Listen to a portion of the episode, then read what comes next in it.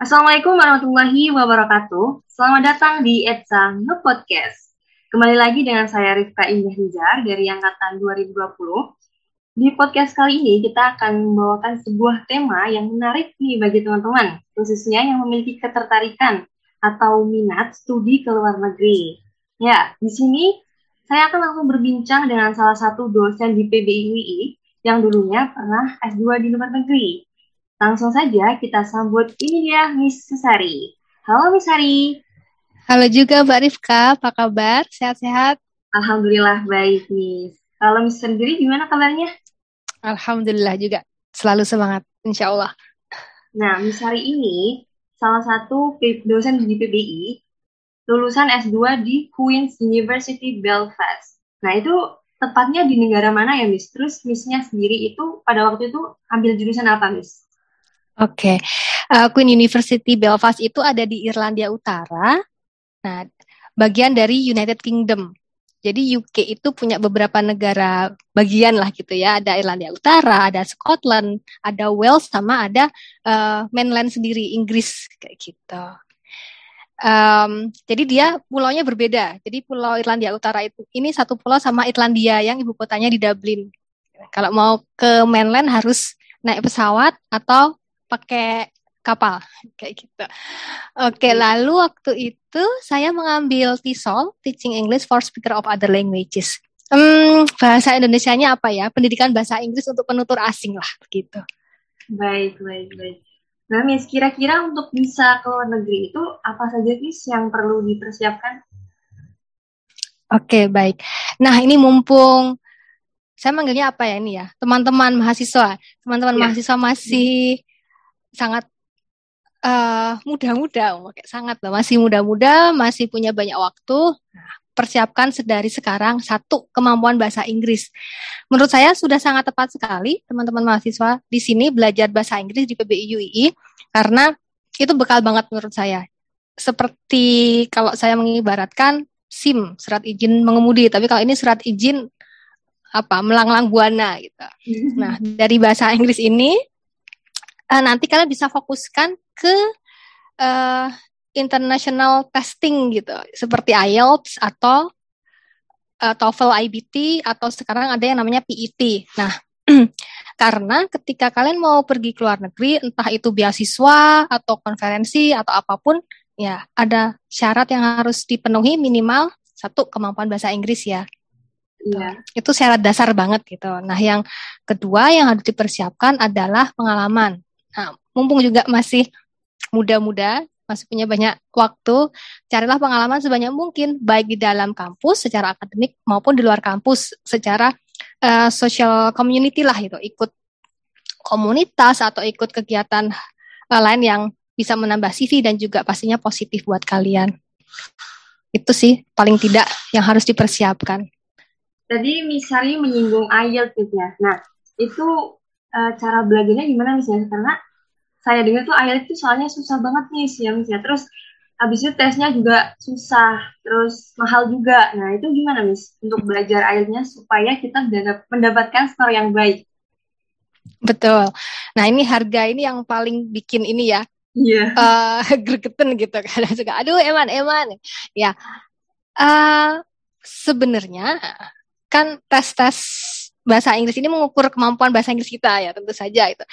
Uh, untuk belajar buku-buku belajar IELTS itu banyak sekali tersedia di uh, ini apa online gitu di Google. Jadi ketik aja ini boleh nyebut merek nggak ya? Karena sudah sudah ini sih ini ini tidak diperjualbelikan jadi insya Allah boleh lah ya. Boleh. Cambridge ya, buku apa uh, Cam, pelatihan IELTS keluaran Cambridge 1 sampai sekarang udah 15 kalau saya tidak salah itu tersedia di Google. Jadi ketik aja nanti bisa download gratis di situ, bisa belajar dari situ. Uh, kalau kalian insya Allah istiqomah belajar, ya uh, bisalah gitu. Paling tidak untuk mendapatkan skor yang ya uh, lumayan gitu. Nah, di lain hal bahwa kemampuan yang diukur adalah apa the real skill bahasa Inggris kita. Jadi belajar dari buku itu hanya eh hanya belajar dari buku itu tidak cukup gitu. Kita harus benar-benar belajar dari Hmm, ya hal yang lain gitu bisa dipahami ya semoga seperti listening ya kita benar-benar dengerin listening entah dari podcast entah dari uh, eh, BBC atau YouTube gitu ini benar-benar dengerin tidak hanya sekedar latihan dari buku Cambridge itu lalu reading ya benar-benar baca gitu baca uh, kalau sekarang karena kalian sedang belajar tidak harus yang akademik boleh dari novel jadi fiksi non fiksi itu ya bacalah gitu apa yang ketertarikan kalian di uh, maksimalkan di situ gitu. Writing ya bener-bener belajar nulis gitu kan di PBI ada pelajaran writingnya beberapa ini ya beberapa semester. Nah itu maksimalkan di situ gitu, terutama yang academic writing. Speaking, nah speaking juga bener-bener gitu. The real skill uh, your competence in speaking. Jadi um, selain belajar dari buku yang tadi saya sebutkan, ya kalian juga belajar mandiri untuk meningkatkan skill itu gitu. Itu sih karena kalau ada yang bilang gimana sih tips dan triknya belajar IELTS biar nilainya tinggi? Ya memang ada tips dan triknya tetapi kalau basic kalian tidak bagus ya sama aja gitu baik baik gitu sih mbak berarti kuncinya ini ya banyak belajar terus yeah. di kelas pas kelas di ini ya di perkuliahan lalu istiqomah ya bener ya jadi belajar itu tidak hanya untuk mengejar nilai, tapi knowledge-nya. Karena uh, saya lihat ada ya, mungkin tidak semua, tapi ada mahasiswa yang hanya mengejar nilai gitu kan eman banget nih. Oke nilainya A, tetapi secara uh, apa kenyataannya di lapangan A-nya itu yeah, nggak yeah. skill gitu. gitu. Baik, baik, baik. Mm -hmm. Nah, hal yang paling basic nih, hal yang paling pertama sebelum kita milih lanjut ke S2 kan itu tentunya harus tahu nih ya tujuan S2 itu apa. Terus mm -hmm. negara mana dan kampus mana yang akan kita pilih nanti. Untuk Miss sendiri, uh, tujuan S2 Miss itu apa dan negara kenapa memilih negara Irlandia Miss pada waktu itu? Oke. Okay uh, untuk jurusan ya, ini sedikit cerita. Saya kesempatan kedua ketika mendaftar LPDP, yang pertama itu saya gagal. Ini, ini curhat sedikit ya. Background saya satu adalah sastra. Nah, saya sangat suka sekali tuh belajar belajar sastra, baca uh, apa, baca novel kayak gitu. Lalu ketik tapi saya lama menjadi seorang guru. Dari dari jurusan sastra tapi jadinya guru gitu. Sementara kan kalian udah ini ya, udah PBI asli. Hmm. Nah, lalu ketika saya mendaftar S2, percobaan yang pertama itu uh, saya kembali ke jurusan S1 saya tentang creative writing. Tuh, nah, di situ uh, saya gagal alhamdulillah. Saya gagal dan saya pelajari ini apa sih yang membuat saya gagal gitu. Nah, di percobaan yang kedua saya perbaiki nih hal-hal yang menurut saya membuat saya gagal. Nah, salah satunya adalah kebermanfaatan. Uh, ketika percobaan yang pertama saya gagal karena menurut saya uh, riset atau penelitian yang mau saya lakukan ketika S2 itu mungkin di mata penguji kurang bermanfaat, kurang inline dengan apa yang saya lakukan uh, saat itu ya menjadi seorang guru gitu. Karena waktu itu saya menulis uh, creative writing, saya mau membuat sebuah performance gitu sementara saya guru. Jadi kayak kayak aduh ini hubungannya gimana? Gitu. Nah di percobaan kedua yang alhamdulillah uh, saya berhasil saya mengambil tisol nah riset saya ya berkaitan dengan profesi saya menjadi seorang guru ketika itu. Tetapi juga tidak meninggalkan apa ya ketertarikan saya, passion saya di dunia sastra. Jadi saya menggunakan karya sastra sebagai media untuk meningkatkan kemampuan bahasa Inggris. Gitu. Nah, jadi dua hal itu saya gabungkan menjadi satu dan alhamdulillah keterima LPDP. Eh, jadi poinnya adalah ketika kalian mau melakukan apa ya uh, riset untuk degree kalian, master degree ya kaitannya beasiswa hal ini, uh, cari yang memang bermanfaatannya itu sesuai dengan apa yang kalian kerjakan ketika itu. Nah, lalu kenapa memilih Inggris? Kenapa memilih Irlandia Utara tepatnya? Sebenarnya saya daftar di tiga kampus dan semuanya sudah mendapat surat ini ya, surat diterima, tapi eh, yang dua masih kondisional. Kondisional itu masih bersyarat gitu.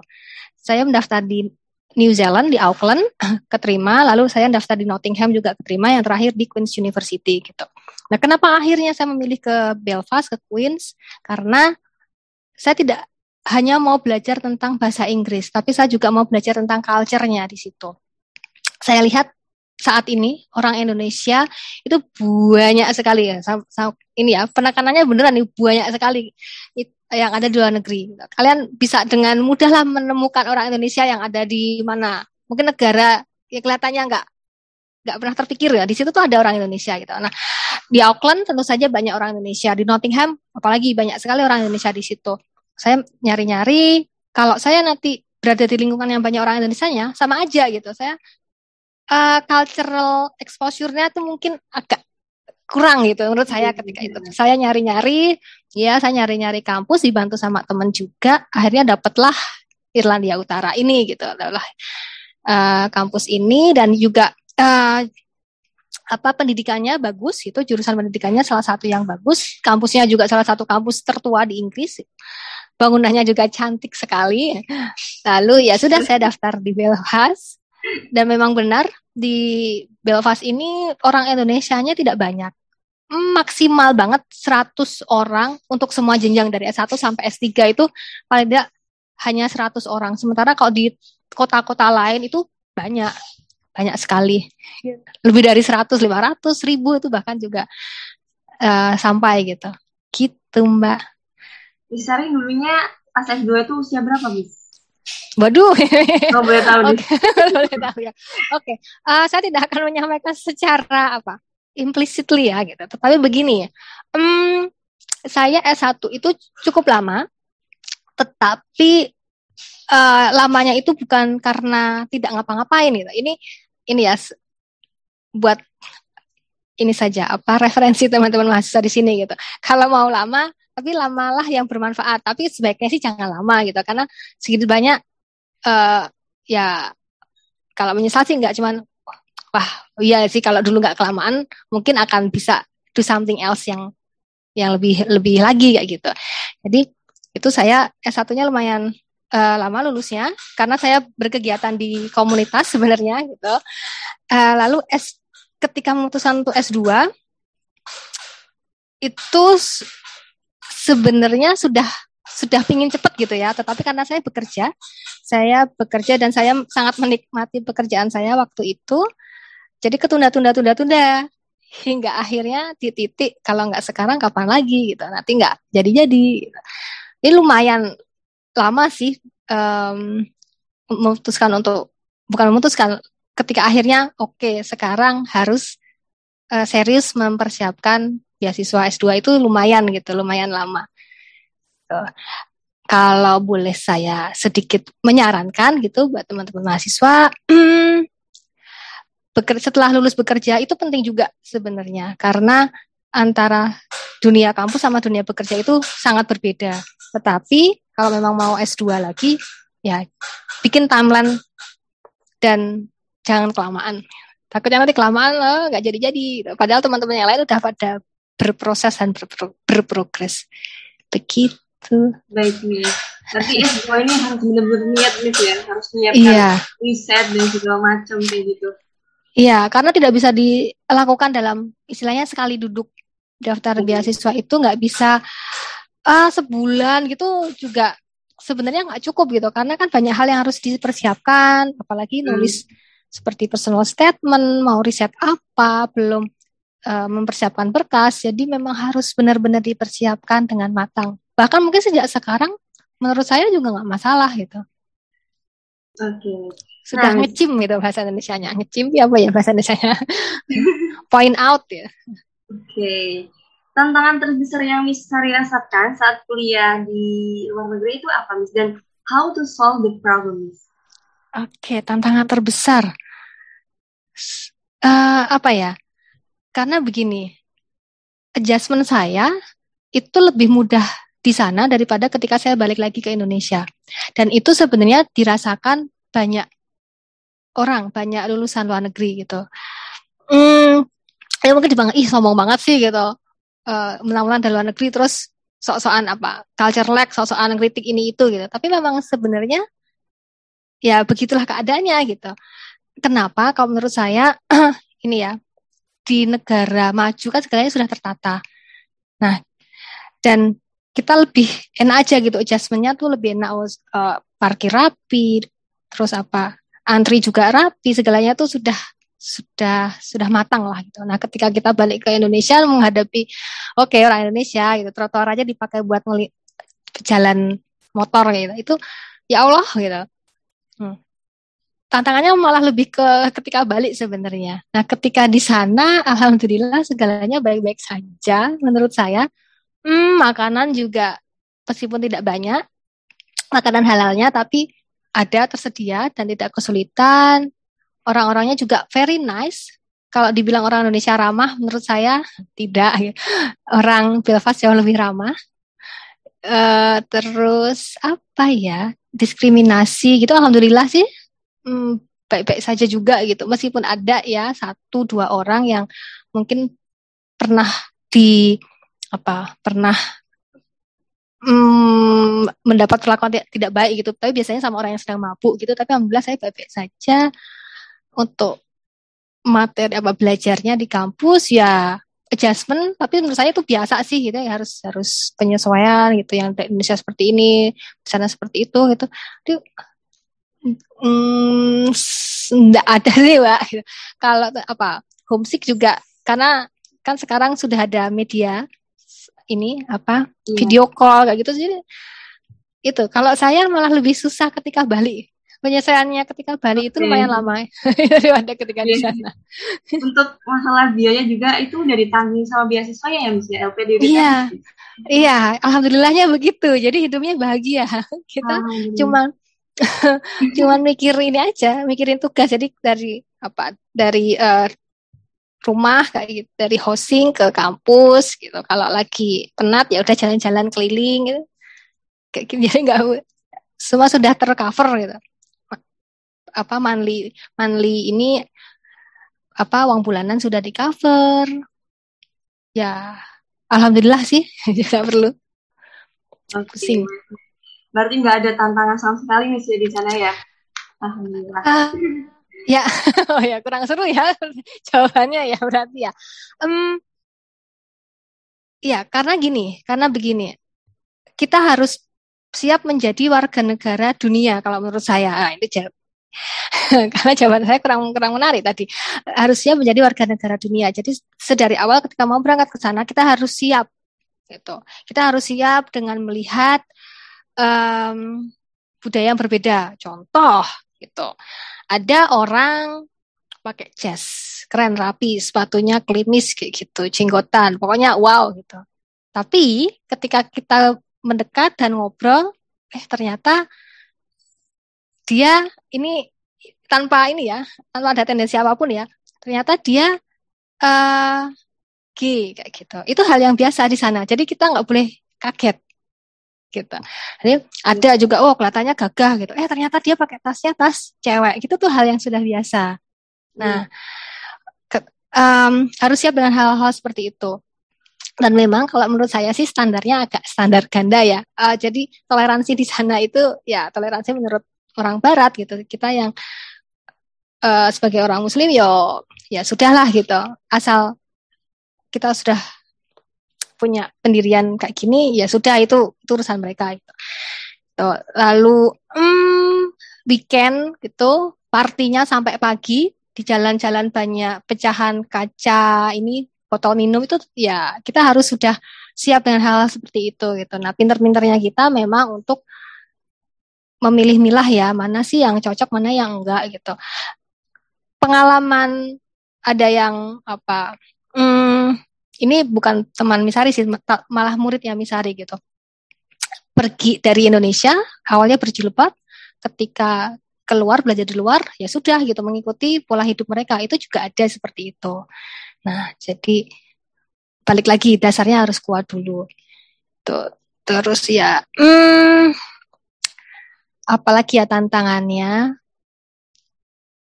Uh, bahasa ya bahasa kalau di Inggris itu aksennya beda-beda sebenarnya di Belfast, di Scotland, di mainland Wales itu aksennya berbeda-beda. Nah, tiga bulan awal itu biasanya kami orang-orang Indonesia itu seperti I do not know English at all itu karena mereka ngomongnya kelihatannya ngomong bahasa Inggris tapi kita nggak paham itu ngomong apa gitu. karena aksennya berbeda dan juga ada pengaruh dari bahasa ini ya bahasa apa namanya Irlandianya gitu. Ya kayak mungkin kalau di Indonesia apa ada bahasa ngapa ada bahasa Surabaya dan teman-temannya kayak gitu. Tuh nah tapi ke, ketika ya sudah penyesuaian kita oke okay lah oh paham dia ngomong ini ini, ini gitu. Meskipun setiap hari tetap aduh ini ngomong apa sih? gitu. Tapi kalau di dunia ini kalau di kampusnya sih alhamdulillah uh, standar sih bahasa Inggrisnya itu terus hmm, hal yang lain apa ya Mbak? Wah, ini misalnya ceritanya gak menarik gak? Gak ada yang menantang. untuk penugasan. Oke, okay, penugasan. Gimana? Oke, okay, tugas tugas tugasnya. Jadi di Inggris itu dia lebih menekankan pada academic writing riset riset riset riset tugasnya satu mata kuliah itu cuma satu tugas dan itu di akhir saja bobotnya tentu saja sangat banyak gitu enam saya agak lupa. Kalau nggak 30 ya 60 kredit lah gitu. Jadi kalau gagal ya sudah nilainya ya begitu gitu. Nah, uh, perkuliahannya terlihat sangat hmm, santai gitu karena kita datang dengerin dosen ngomong kayak gitu dan asiknya tuh di sana kayak kuliah dua jam lah ya kuliah tuh berapa sih ya sekitaran dua jaman lah gitu. Nah di tengah-tengah tuh kita dikasih waktu untuk istirahat boleh makan, boleh ngobrol ya sekitar 10 menitan lah kayak gitu. Nah itu asiknya kayak gitu. Kalau di Indonesia nggak tahu, misalnya belum pernah melihat per, perkuliahan kayak gitu di tengah-tengah ada istirahatnya. Terus hmm, diskusi ya diskusinya seperti biasa gitu. Kadang dosennya mau lempar suatu isu, topik, terus kita diskusi. Sangat terlihat sangat biasa saja, tidak ada tantangan, tetapi yo tugasnya kita harus independen tadi sendiri, harus pinter-pinter manfaatkan waktu. Ya udah habis dari kuliah atau sebelum kuliah ke perpus, baca buku untuk mengerjakan uh, ini final tasnya, final examnya itu. Karena riset, finalnya tuh riset. Tuh. Yang asik di sana musim-musim ujian itu perpus 24 jam. Kita bisa nginep di situ. Lalu juga perpusnya sangat nyaman. Dan apa ya hal yang biasa kita melihat orang membawa travel bag itu tas tas buat apa pergi gitu. Tapi yang di kabin ya itu dibawa ke perpus dan isinya itu buku. Itu sudah hal yang sangat biasa. Uh, suasana belajarnya sangat mendukung gitu terus apa ya suasananya very very quiet iya gitu. Nah, asik sekali belajar suasana belajarnya dapat lah gitu. hmm, untuk disertasi kalau di Inggris itu juga menurut saya kelihatannya enak karena kita tidak perlu defense exam. Maksudnya tidak perlu sidang, tidak perlu sidang disertasi atau tesis gitu. Uh, cuma tinggal submission aja. Uh, hal positif lainnya mungkin karena budaya barat ya. Dosennya juga sangat enak mengakomodir, very nice uh, mereka bahkan 24 jam seperti available buat uh, ininya mahasiswa bimbingannya gitu. Seperti contoh dosen pembimbing saya gitu, dia dia ketika itu sedang konferensi di negara lain. Nah, dia menyempatkan untuk tetap mengoreksi, jadi dia minta oke okay, dikirim lewat email gitu. Dikirim lewat email dan dia menyempatkan untuk mengoreksi dan dia memberitahu gitu mohon maaf saya terlambat karena gini gini gini gitu. Nah itu very jadi mereka sangat menghargai gitu sangat menghargai. Padahal kalau kita rasa waduh ini lagi lagi konferensi sibuk aku ganggu gitu. Nah sebaliknya mereka malah yang minta maaf tidak bisa fast respon tapi saya uh, mencoba my best to reach you gitu in my apa spare time gitu itu sih um, tantangan lainnya ya untuk makanan kalau di negara-negara barat ya apalagi negara-negara yang ini ya lumayan besar gitu ya Inggris, Amerika mungkin saya belum pernah ke sana, Australia gitu untuk makanan halalnya insya Allah uh, ini sih terfasilitasi lah kayak gitu.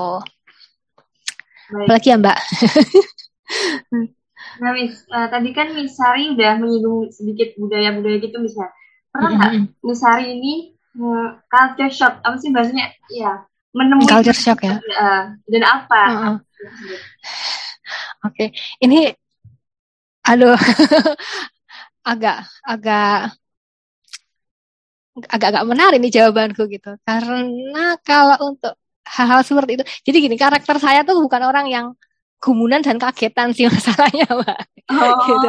Bukan orang yang gumunan dan kagetan. Mm-hmm. Jadi dan uh, saya mendapatkan banyak ilmu di tempat saya mengajar dulu tentang menjadi warga negara dunia. Jadi saya pergi ke luar negeri itu alhamdulillah S2 kemarin bukan yang pertama. Saya pernah ke beberapa negara sebelumnya juga gitu.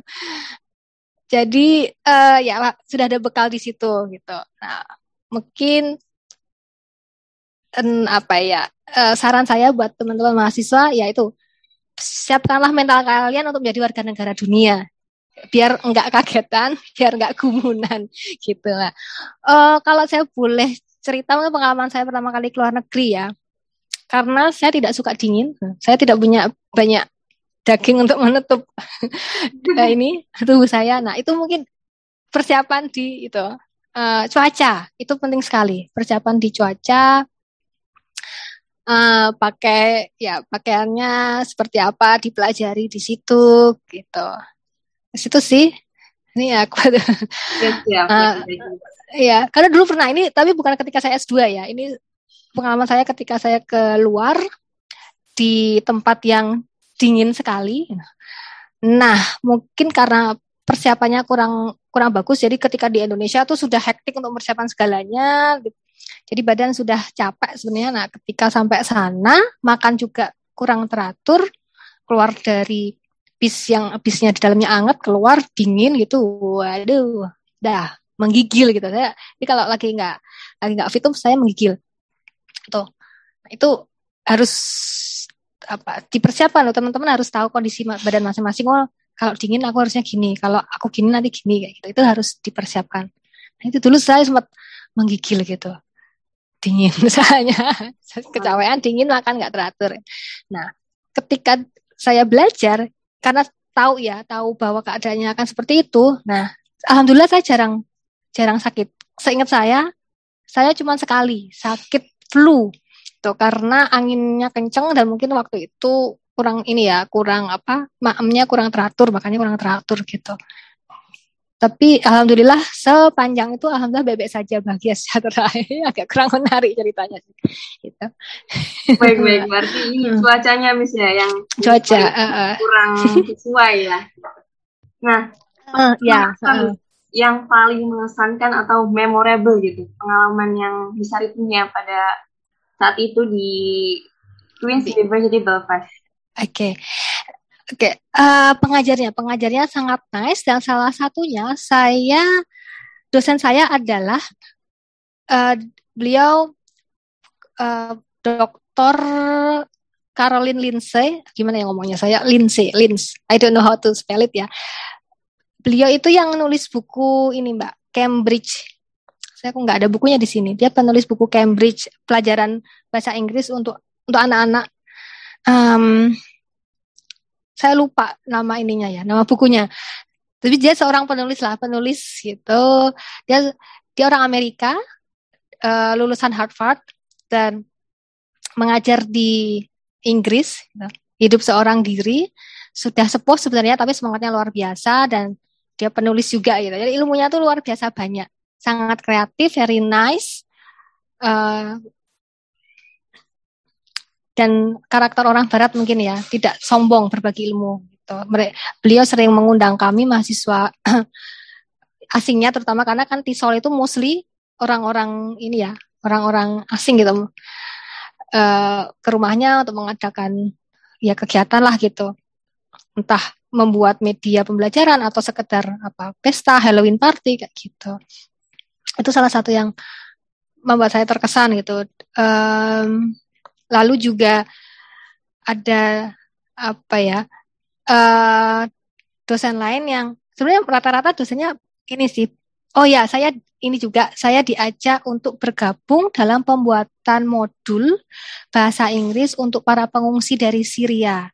Kami dari Indonesia ada lima orang diminta uh, untuk membantu lah gitu membuat modul untuk itu uh, pengungsi dari Syria karena kan mereka orang-orang dari Syria itu tidak bisa menulis alfabet ya. Bahasanya bahasa Arab nulisnya juga pakai bahasa Arab. Dan sebenarnya hmm, banyak orang-orang berpendidikan intelektual yang menjadi pengungsi tapi mereka ya kemampuan bahasa Inggrisnya sangat minim. Nah di situ kami bekerja gitu diminta salah satu seorang dosen dan membuat itu gitu project uh, saya lupa nama projectnya apa itu salah satu yang berkesan hmm, sama ini juga kami dekat dengan salah satu dosen karena mungkin background ini ya background yang sama beliau muslim itu beliau um, lahir di di Inggris ya native English lah ya, tetapi punya darah Pakistan gitu. Nah, melihat bahwa oh oke banyak orang Muslim, Tisol Muslim gitu. Nah, kami jadi dekat gitu. Uh, me, jadi dosen pergi ke hosting kami, terus apa ya ngobrol kayak gitu. Itu itu ya beberapa kali dilakukan. Nah, saya nggak tahu kalau di Indonesia apakah bisa sedekat itu gitu hubungannya dengan dosen dan mahasiswa. Lalu juga uh, dosen itu menyediakan waktu, jadi sudah membuat jadwal gitu untuk mahasiswanya boleh berdiskusi terkait tadi proyek uh, tugas ya, tugas akhir itu. Mereka ngasih waktu rata-rata sih sekitar 30 menitan untuk tiap mahasiswa untuk diskusi itu. Ya meskipun diskusinya mungkin tidak tidak sering ya, paling satu semester itu sekali dua kali lah, paling maksimal tiga kali gitu untuk untuk ini ya bukan disertasi tapi ini uh, yang tugas akhir per semesternya gitu. Nah itu benar-benar face to face ngobrol gitu. Itu sangat difasilitasi difasilitasi sekali. Yang ya sebaiknya seharusnya mungkin kita bisa ya mencontoh gitu. Kan jadi saya lihat titik kasih mereka untuk mengajar itu benar-benar gitu benar-benar tidak di apa campuri urusan-urusan administrasi dan hal-hal lainnya gitu. Gitu sih Mbak. Baik, baik. Guys, uh, mungkin ada mis untuk tips dan cara gitu agar bisa S2 ke luar negeri, Miss. Mungkin buat para teman-teman mahasiswa yang minat studi ke luar negeri gitu. Mm -hmm. Oke. Okay. Pertama tadi kemampuan bahasa Inggrisnya dari sekarang dipersiapkan uh, sebaik mungkin istiqomah, lalu mulai mencari tahu aku tuh inginnya apa, aku tuh mau ngapain dari sekarang, lalu bukalah jalan ke sana. Uh, ya akademik itu penting, tetapi kebermanfaatanmu di masyarakat itu juga penting. Ikutlah kegiatan sosial, baik di kampus atau di luar kampus.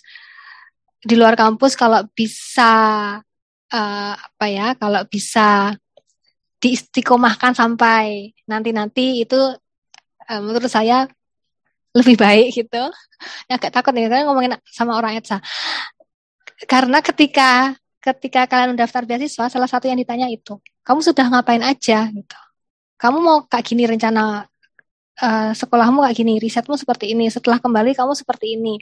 Nah, kamu bisa ngomong kayak gitu memangnya tahu caranya gitu. Sekalian ditanya seperti itu. Nah, kalau kalian sudah apa ya, berkecimpung di dunia sosial, sudah pernah melakukan itu kan enak jawabannya. Oh ya, kan saya lama gitu. Menjadi seorang apa relawan di bidang pendidikan anak-anak difabel contoh. Nah, oh ya, oke. Okay. Sudah terbukti lah gitu. Lalu ya istiqomah konsisten terhadap mimpi kalian, jangan mudah terdistrak, bikin timeline kalau perlu. Timeline itu ya uh, memang tidak selalu bisa ini ya, stick stick apa ya? Um, ter, apa dilaksanakan sesuai itu gitu tapi paling tidak menjadi guidance kita untuk pergi ke sana gitu. Hmm, buka link sebanyak mungkin untuk hal-hal yang positif link itu termasuk dengan dosen juga karena nanti kalian akan minta surat rekomendasi ke dosen. Terus khususnya untuk anak-anak PBI, UII, gitu. uh, fokusnya di skill, di ilmu, bukan dinilai. Kalau saran saya gitu, uh, uh, karena bahasa Inggris itu kunci kan tadi. Nah, fokusnya di skill itu, di ilmu yang yang yang kalian perlu gitu, yang kalian punya gitu. karena ya kalau fokus ke nilai, nilai itu buatan manusia gitu. Di IELTS nggak ditanya gitu. Writingmu berapa A, tapi writing di IELTS-nya benchnya 5 juga ya sama aja gitu. Jadi begitu. Baik, berarti ini masih ini masih ya banyakin mm -hmm. kegiatan sosial kayak gitu buat nanti uh, mempermudah di saat wawancara beasiswa seperti itu misalnya. Ya, salah satunya itu ya, salah satunya itu itu. Uh, karena itu tadi gitu, yang dicari adalah orang yang memang sudah pernah dan bisa melakukan sesuatu gitu, instead of only about academic things. Wow, iya, sangat luar biasa. Nah, Miss, terakhir nih, Miss, mungkin ada closing statement buat teman-teman mahasiswa di sana closing statement saya um, oke okay, ya mulai putuskan tujuan arah ke mana kalian mau melangkah fokus di situ istiqomah di situ lalu mulai mencari bekal hal-hal yang memang bisa membuat kalian berproses dan berprogres untuk mencapai tujuan itu bisa sekali ya. Oke baik, jadi hmm. pertama harus ini Miss ya, memulai memutuskan tujuan kita ke arah mana nantinya gitu. Hmm. Nah hmm. sayangnya podcast kali ini akan berakhir sekarang juga. Terima kasih untuk Misari yang telah meluangkan waktunya untuk menjadi narasumber di Etsanga Podcast. Terima kasih juga buat para teman-teman yang senantiasa mendengar podcast ini sampai akhir. Saya akhiri. Wassalamualaikum warahmatullahi wabarakatuh. Terima kasih, Miss Hari. Sama-sama, Mbak Rifka.